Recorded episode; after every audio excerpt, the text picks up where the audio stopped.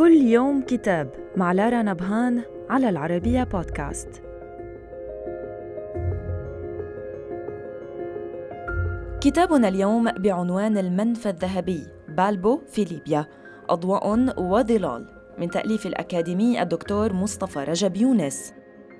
جاء الكتاب ليشكل إضافة أكاديمية مهمة إلى النقاش الدائر وينفض الغبار عن شخصية القائد العسكري والسياسي الإيطالي إيتالو بالبو من خلال ما احتوته التقارير والبحوث والدراسات المتوفرة في الأرشيف الاستعماري الإيطالي باختلافه.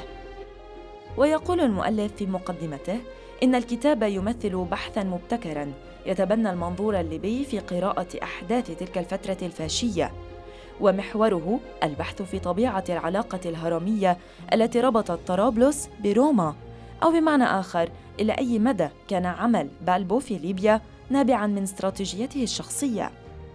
ويؤكد المؤلف أنه كان لدى بالبو حب غير مشروط لإيطاليا وفكرة أن ليبيا يمكن أن تصبح الرائد في المستعمرات الإفريقية.